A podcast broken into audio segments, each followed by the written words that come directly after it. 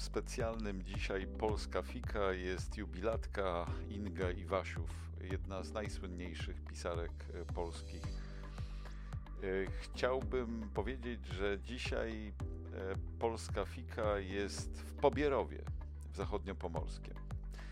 To jest wyjazdowa edycja Polska Fika. Zapraszam serdecznie. Mówimy dzisiaj z Ingą o nowej powieści, nowej powieści Późne Życie. Linki znajdziecie w opisie. Nie zapomnijcie subskrybować kanału. Pozdrawiam serdecznie.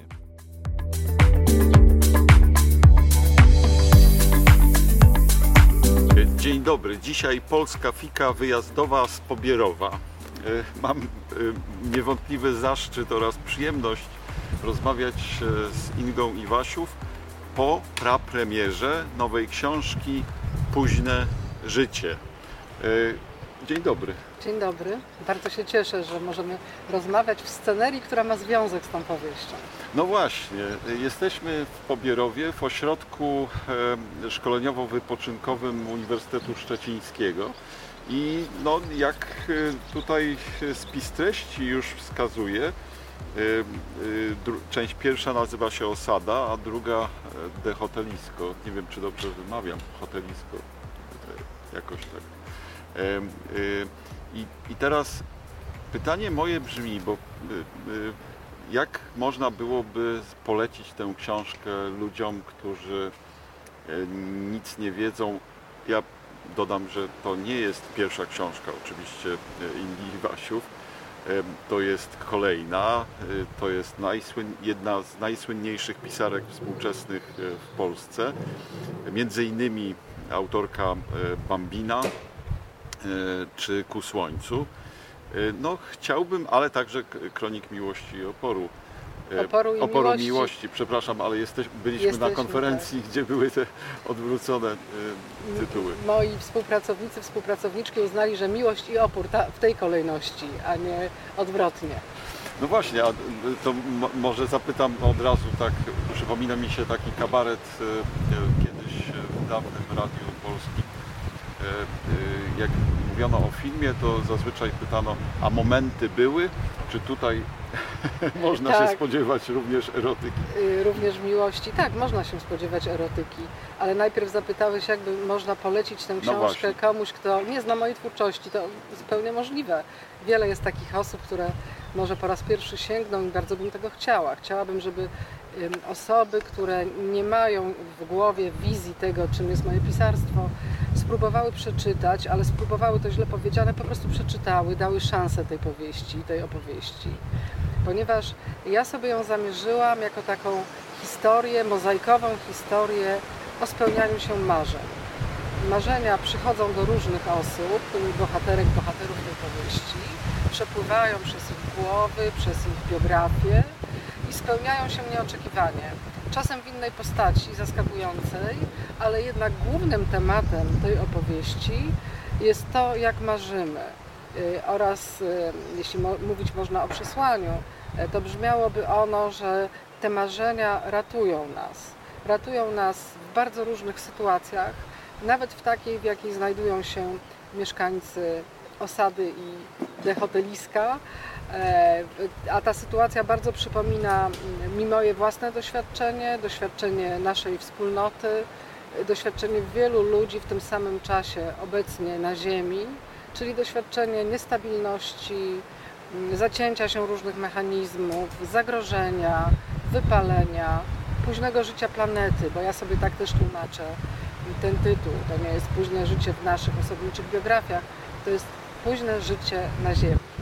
Czyli nie ma to nic wspólnego z Twoją sześćdziesiątką, jeżeli mogę nawiązać do jednego z tytułów, czyli e, jakby to nie jest e, coś, co jest e, myśl, pełne myślenia o, o tym, że się starzejesz. I'm getting older, jak mówi Billie Eilish na pierwszych, w pierwszym songu.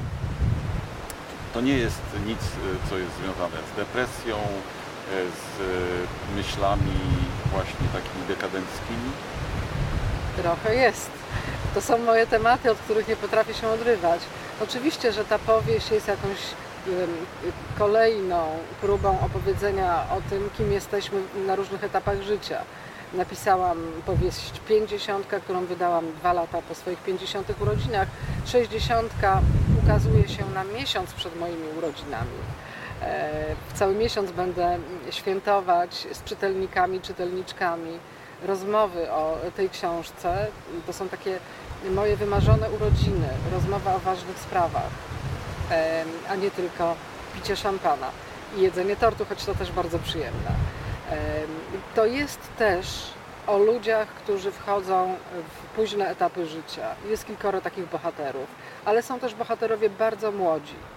Tacy, którzy, którym pandemia przeszkodziła w zdaniu matury, tacy, którzy mają przerwę w studiowaniu, tacy, którzy są w wieku średnim, e, ci, którzy się dorobili czegoś i teraz okazuje się, że właściwie marzą o czymś innym, e, oraz tacy, którzy zapadają się e, w choroby, które odbierają ich mózgom pełnię sprawności. Mała społeczność, osada, w każdej osadzie żyją ludzie z tych różnych grup i, i bardzo chciałam, żeby o każdym z nich, wymyślonym przeze mnie, wymarzonym przeze mnie, traktowała jakaś część tej opowieści, żeby ich głosy się przeplatały i żeby ludzie, czytelniczki, czytelnicy z różnych pokoleń, i ci najmłodsi, i ci, którzy czytają używając mocnych okularów, mogli odnaleźć tu jakąś nie chcę powiedzieć pocieszenie, bo, bo nie lubię mm, tak mówić, bo za dużo mówimy o tym, że coś nas pociesza, że pocieszy nas spacer, literatura, kupienie sobie nowego gadżetu. Ja bym chciała, żeby to, nam, to, to czytanie, tak jak ja je projektowałam pisząc i tak jak je odczuwałam pisząc, dawało czytającym osobom nadzieję, ale taką specyficzną, nie euforyczną, a taką uspokojoną, e, która nie szarpie nam wnętrzności, nie naraża nas na zawiść e, czy na mm, gonitwę ambicji. E, rozumiem, czyli jednak jest to taki rodzaj refleksji, ale jednak dającej nadzieję. To znaczy, że nie ma tutaj dekadencji w znaczeniu katastrofizmu wprost, bo elementy katastroficzne występują. Jesteśmy w takich czasach i ten, to odzwierciedlenie tych czasów e, wydaje mi się, że ja jeszcze nie przeczytałem. Mm. Obradowaliśmy e, bardzo długo i dopiero co ona naprawdę to jest dwa dni po premierze i no, jestem bardzo podekscytowany tym, że jednak y, te, te współczesne katastrofy jakoś są obecne w, w tej książce, prawda?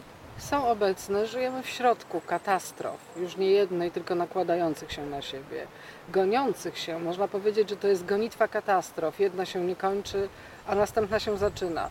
Ale w tym wszystkim takim bazowym doświadczeniem człowieka jest to, że żyje, i że mimo że od, odczuwanego lęku, mimo zagubienia, czy nawet jakiejś takiej atrofii, e, którą mógłby odczuwać, w zasadzie we wszystko wdziera się potrzeba marzenia, e, potrzeba wspominania, potrzeba rozmawiania z ludźmi, potrzeba rozpalenia wspólnego ogniska. Więc to jest ta niesłychana, doznawana też w ostatnich latach przeze mnie i w grupach, w których, w których żyję, intensywność lęku, powagi, wściekłości, ale też radości z tego, że, że jesteśmy ludźmi, którzy mogą tworzyć wspólnoty.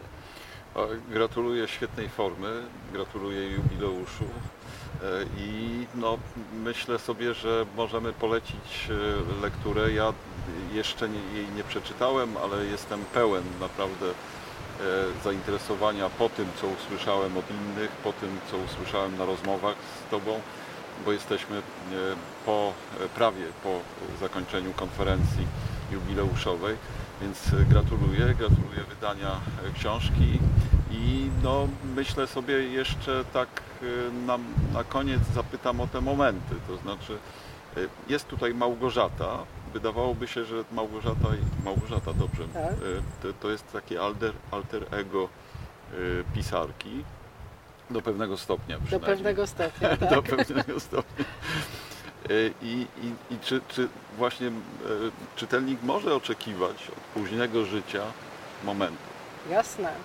O tym też ta powieść opowiada. To jest jeden z moich tematów dawnych, jak do niego wracam. Y, zawsze celowo pokazuje, że ludzie dojrzali, a ludzie więcej niż dojrzali, plus, plus, plus, po pierwsze mieli przeszłości bogate życie miłosne, ale mogą je też mieć w, teraź, w swojej teraźniejszości.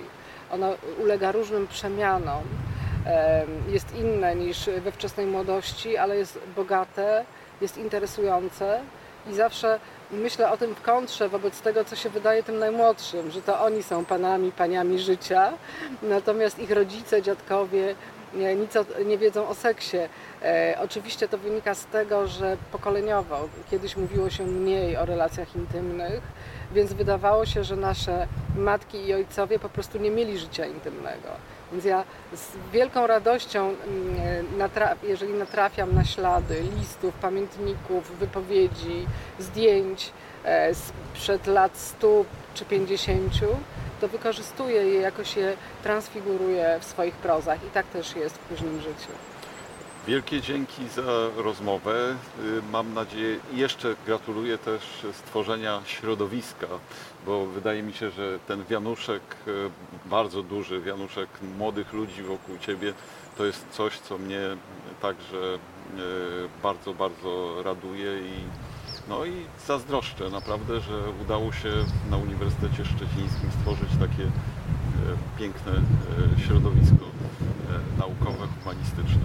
Wielkie dzięki. To trochę wieniec, nie wianuszek. Ja Ci bardzo dziękuję za obecność, za referat i, i za, roz, za wszystkie rozmowy i za tę rozmowę.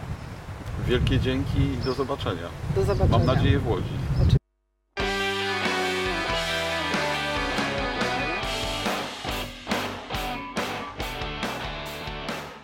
Była polska fika wyjazdowo z Pobierowa. Gościem była Inga Iwasiów.